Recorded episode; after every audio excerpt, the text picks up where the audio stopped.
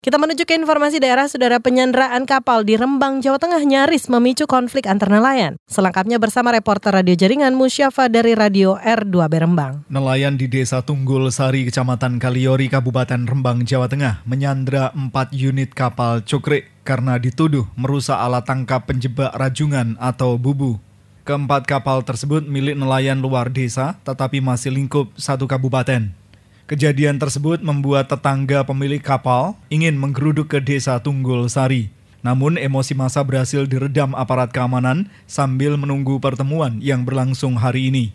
Yauma, Ketua Kelompok Nelayan Desa Tunggul Sari Kecamatan Kaliori, menjelaskan penyanderaan tersebut dimaksudkan supaya nelayan dari luar kampung berhati-hati saat mencari ikan.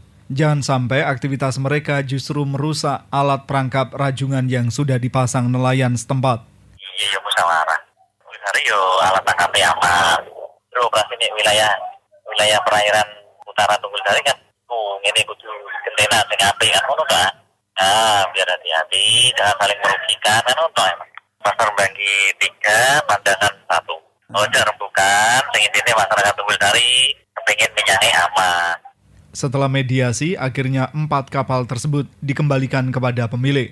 Diharapkan nantinya tidak muncul konflik berkepanjangan. Musyafa, R2 Birembang melaporkan untuk KBR.